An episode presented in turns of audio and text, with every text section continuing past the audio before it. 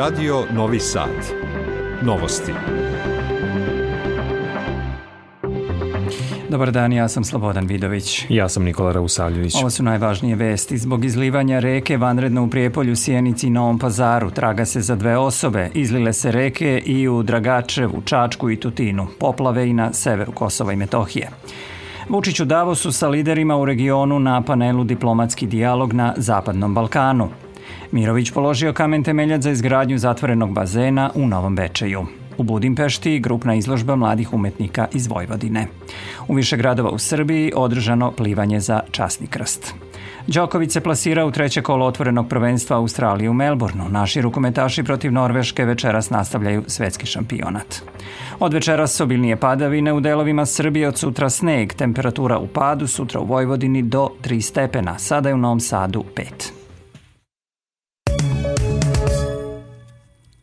Zbog obilne kiše izlivanja rijeka u Prijepolju, Sjenici i Novom pazaru proglašena je vanredna situacija. Dve osobe koje su upale u reku Trnavicu vode se kao nestale i za njima se i dalje traga, dok je osoba koja je pokušala njihovo spasavanje nakon intervencije spasilaca zbrinuta i dobrog je opšteg zdravstvenog stanja, potvrdio je gradski štab za vanredne situacije. Na Limu je podignut još jedan nasip da zaštiti Brodarevo. Izlila se i reka Bjelica u Gračevskim selima, kao i reke u Čačku Čačku i Tutinu. Izlio se i Ibar u Kosovskoj Mitrovici, a više od 50 kuća u opštini Zvečan je poplavljeno. Vrh talasa hidrolozi najavljuju u večernjim časovima kod Prijepolja. Opširnije Marija Maleš.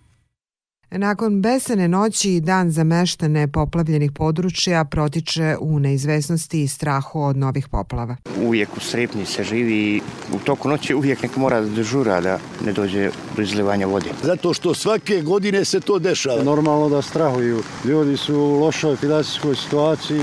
Sinoć su do dva sata radili, nasipali. Taj tampon ne može da zadrži zato što je on propustan i on propusta vodi. Direktor Srbija voda Goran Puzović rekao je da je Brodarevo najugroženija tačka od poplava i da se preduzimaju sve preventivne mere kako bi se zaštitili životi i imovina građana. Projekat koji radimo i koji će nadam se biti negde gotov do leta kada lokalna samuprava završi neke svoje poslove vezane za imovinsko-pravne odnose i za plansku dokumentaciju, onda ćemo izgraditi jedan ozbiljni objekat koji će integralno zaštiti celo naselje. Sada preduzimamo sve mere i radnje koje su moguće na terenu da bismo za svaku kuću zaštitili. Najveći porast i vodostaja registrovani su na slivu reke Lime na Drini i u gornjem toku Zapadne Morave, kaže hidrolog u Republičkom hidrometeorološkom zavodu Dejan Vladiković, navodeći da je na području jugozapadne Srbije palo od 20 do 40 mm kiše. U sledećih 12 časova ćemo imati još poraste vodostaja. Mi vrh talasa očekujemo kod Prijepolja negde u večernjim časovima. Što se tiče Drine, tu ćemo imati još jedno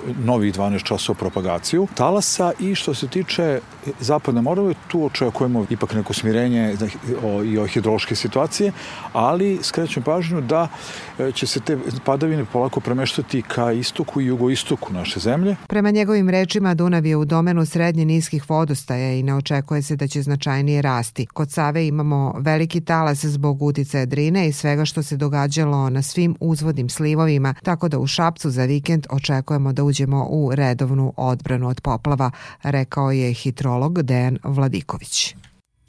Trećeg dana boravka u Davosu, gde učestvuje na Svetskom ekonomskom forumu, predsednik Srbije Aleksandar Vučić sastao se sa liderima regiona na panelu Diplomatski dijalog na Zapadnom Balkanu. Na marginama foruma razgovarao je i sa više evropskih i svetskih zvaničika, a glavna tema razgovora bilo je unapređenje bilateralnih odnosa. Opširnije Vesna Balta. Sa hrvatskim premijerom Andrejem Plenkovićem Vučić razgovarao o srpsko-hrvatskim odnosima. Razgovor je ocenio kao vrlo korektan te izrazio uverenje da će u narednom periodu doći do napretka na ekonomskom planu, ali i u političkim odnosima dveju zemalja. Plenković je nakon susreta poručio da je osim o bilateralnim odnosima razgovarano i o evropskom putu zemalja u susedstvu. Naveo je i da je uz politiku dijaloga i smirivanja tenzija potrebno uložiti dodatne napore u rešavanju otvorenih pitanja. O unapređenju odnosa između Srbije i Bosne i Hercegovine predsjednik Vučić razgovarao je sa predsedavajućom Savetu ministara BiH Borjanom Krišto. On se sastoji sa generalnim direktorom za spoljnu bezbednost u Francuskom ministarstvu odbrane Bernardom Emijeom, kojeg je između ostalog detaljnije upoznao sa situacijom na Kosovu i Metohiji. Učešće na Svetskom ekonomskom forumu u Davosu ima veliki značaj za našu zemlju, ocenjuje Slobodan Zečević sa Instituta za evropske studije. Mislim da je važno da, da nam se pride, pride značaj obzirom da objektivno i mi imamo kad je reč o našem regionu, veliki značaj, obzirom da smo na, narod koji, koji najbrojniji narod na ovom području i najveća država na ovom području. A važno je zato što, zato što i dalje Davos veliki, veliki skup. Znači tu ima veliki broj predstavnika preduzeća iz, iz finansijskih institucija iz čitavog sveta. Bitno je održati razgovore, pokušati da se privuku nove investicije, što je bila i uloga predsednika Srbije na na ovom skupu. Predsednik Srbije će na kraju trodnevnog učešća na Svetskom ekonomskom forumu u Davosu učestvovati i na panelu o jačanju bezbednosti Evrope usled širih geopolitičkih promena. Sanitetsko vozilo iz Kosovske Mitrovice od podne stoji na prelazu Jarinje jer kosovska policija vozaču ne dozvoljava da pređe sa obrazloženjem da mu registracija na KM tablice ne važi, ne važi pošto je produžena 26. novembra prošle godine. Nekoliko dana nakon što je u Briselu postignut sporozum po tom pitanju prenosi Kosovo online. Srbi sa severa koji voze automobile sa KM tablicama po dogovoru iz Brisela od 23. novembra mogu bez problema da produžavaju važenje registarskih oznaka, ali je kosovska policija policija taj sporazum iznenada jednostavno, jednostrano prekršila. Prema poslednjim vestima sa prelaza oni sada ne prihvataju ni jedno vozilo sa KM oznakama, čija je registracija produžena posle 23. novembra. Beograd nije prekršio dogovor sa Prištinom o registarskim tablicama jer se obnavljanje osiguranja i tehnički pregled vozila sa KM registracijama ne smatra izdavanjem novih tablica, izjavio je u Briselu port parol Evropske unije Peter Stano. On je tako odgovorio na novinarsko pitanje o optužbama prištinskih vlasti da je Beograd nastavio nastavio sa izdavanjem novih tablica sa KM oznakom, kršeći tako sporazum od 23. novembra prošle godine. Stano je podsjetio da se Priština obavezala da će se uzdržati od bilo kakvih mera prinude protiv vlasnika KM tablica i zadržavanja statusa quo, sve dok se pitanje ne reši u okviru dijaloga na, kako je rečeno, održivi način, dok se Beograd obavezao da neće izdavati nove KM tablice. Tražimo od svih da bezuslovno poštuju sporazum i usredsrede se na normalizaciju. Svako tumačenje dogovorenog treba da se odvija u okviru dijaloga, a ne kroz jednostrane akcije na terenu koje mogu da dodatno destabilizuju već osetljivu situaciju, zaključuje Stano. Specijalni zaslanik Nemačke za Zapadni Balkan, Manuel Zaracin, izjavio je da je stav Berlina da Srbija ne može da postane članica Evropske unije bez priznanja Kosova. On je to rekao za portal Nova na pitanje da li nemačko-francuski predlog, odnosno evropski predlog za rešavanje statusa Kosova podrazumeva da Srbija mora da prizna kosovsku nezavisnost na kraju pregovaračkog procesa. Zaracin kaže da je neophodno da što pre postići sporazum između Beograda i Prištine i da je važno da se predstavnici Srba što pre vrate u prištinske institucije.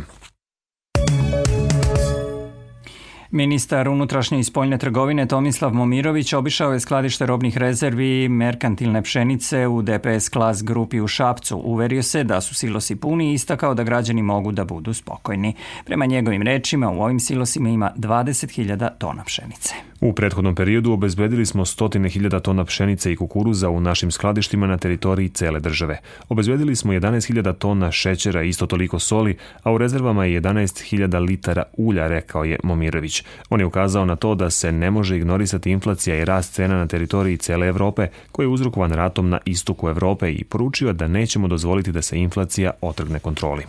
Sporazum o poslovno-tehničkoj saradnji sa Privrednom komorom Vojvodine otvorit će još jedno polje zapošljavanja i saradnje sa privredom, ocenio je direktor Naučno-tehnološkog parka u Novom Sadu Nebojša Drakulić. Pojedinosti Đuro Vukilić. Drakulić kaže da će i u ovoj godini Naučno-tehnološki park Novi Sad nastaviti sa raspisivanjem javnih poziva.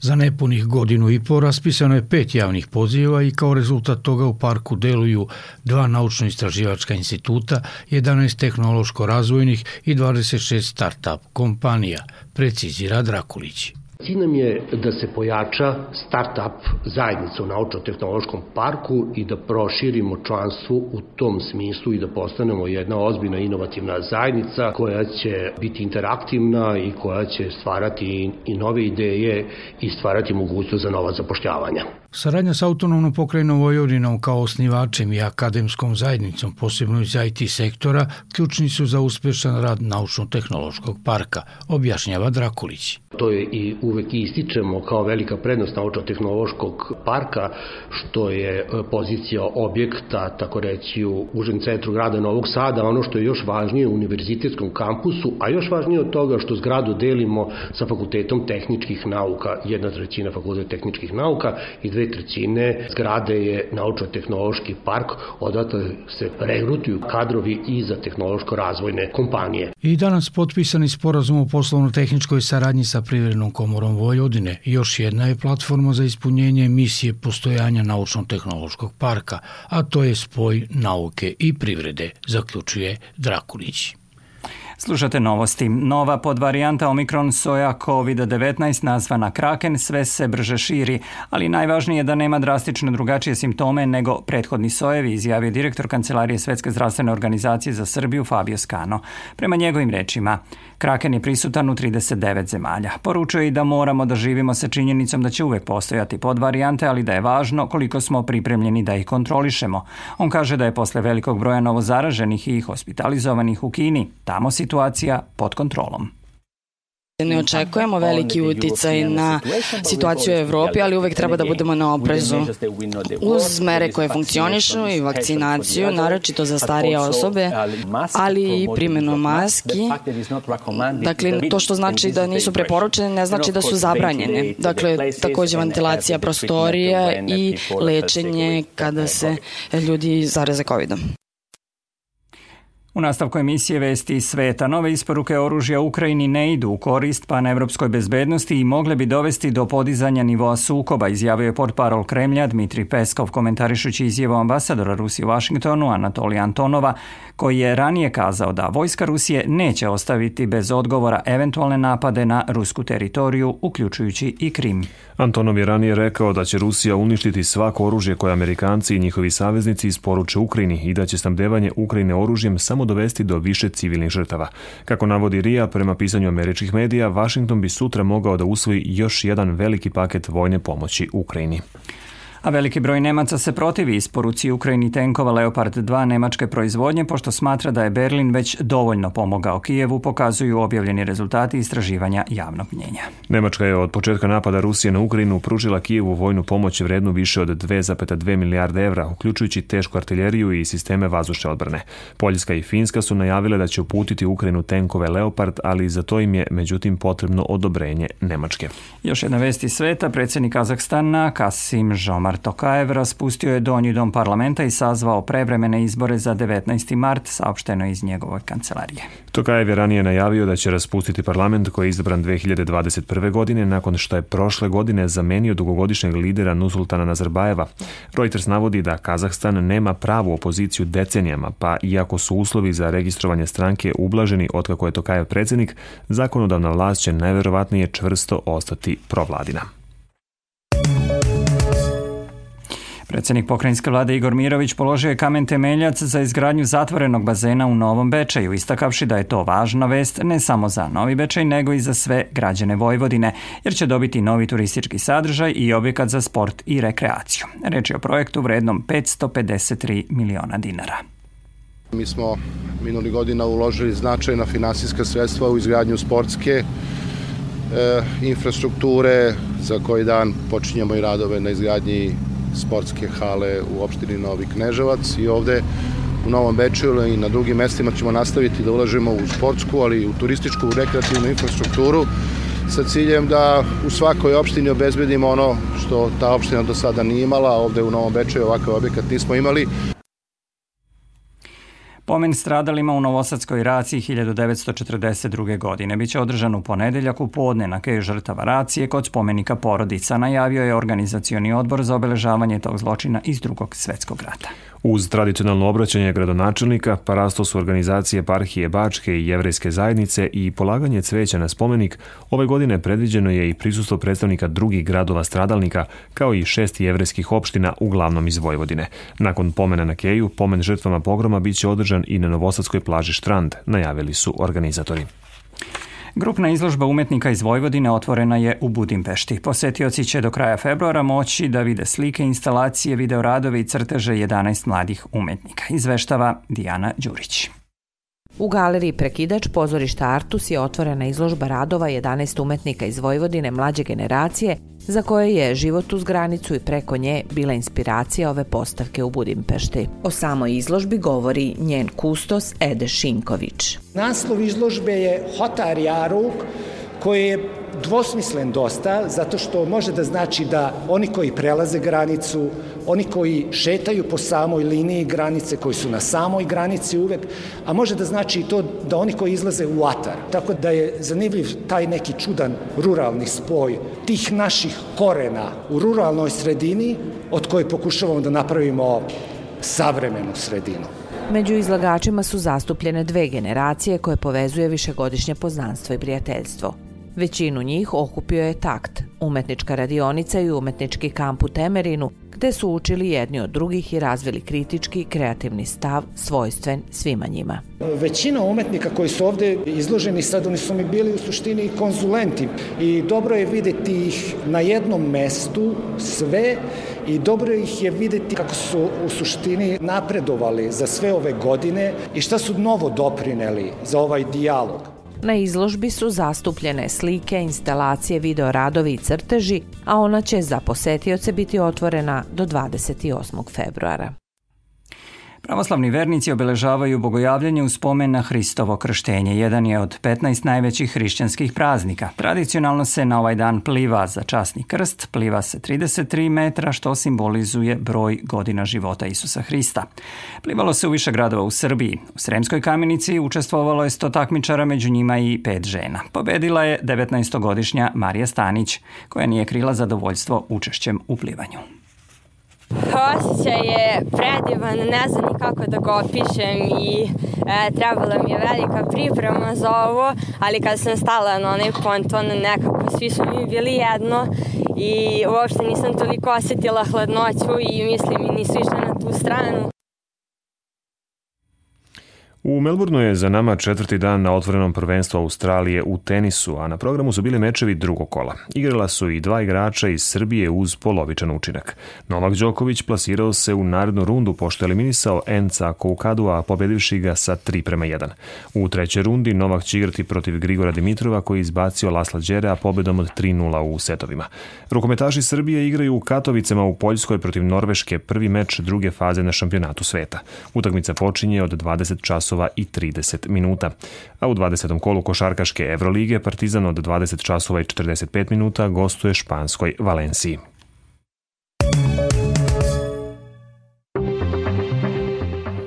Još jednom podsjećamo na najvažnije vesti. Zbog izlivanja reka vanredna u Prijepolju, Sijenici i Novom pazaru. Traga se za dve osobe, a izlile su se reke i u Dragačevu, Čačku i Tutinu. Poplave i na severu Kosova i Metohije. Vučić u Davosu sa liderima u regionu na panelu Diplomatski dijalog na Zapadnom Balkanu. Mirović položio kamen temelja za izgradnju zatvorenog bazena u Novom Bečeju. U Budimpešti grupna izložba mladih umetnika iz Vojvodine. Od večera se obilnije padavine u delovima Srbije, od sutra sneg, kažu meteorolozi, evo detaljnije prognoze. U Vojvodini u petak zahlađenje u susnežicu i sneg. Vetar umeren severozapadni. Pritisak ispod normale, Minimalne jutarnje temperatura od 0 do 2, a maksimalne od 2 do 3 stepena. Uveče susnežice i sneg prestaju uz temperaturu od 0 do 2 stepena. U Vojvodini u subotu hladnije sa susnežicom i snegom i dnevnom temperaturom malo iznad nule.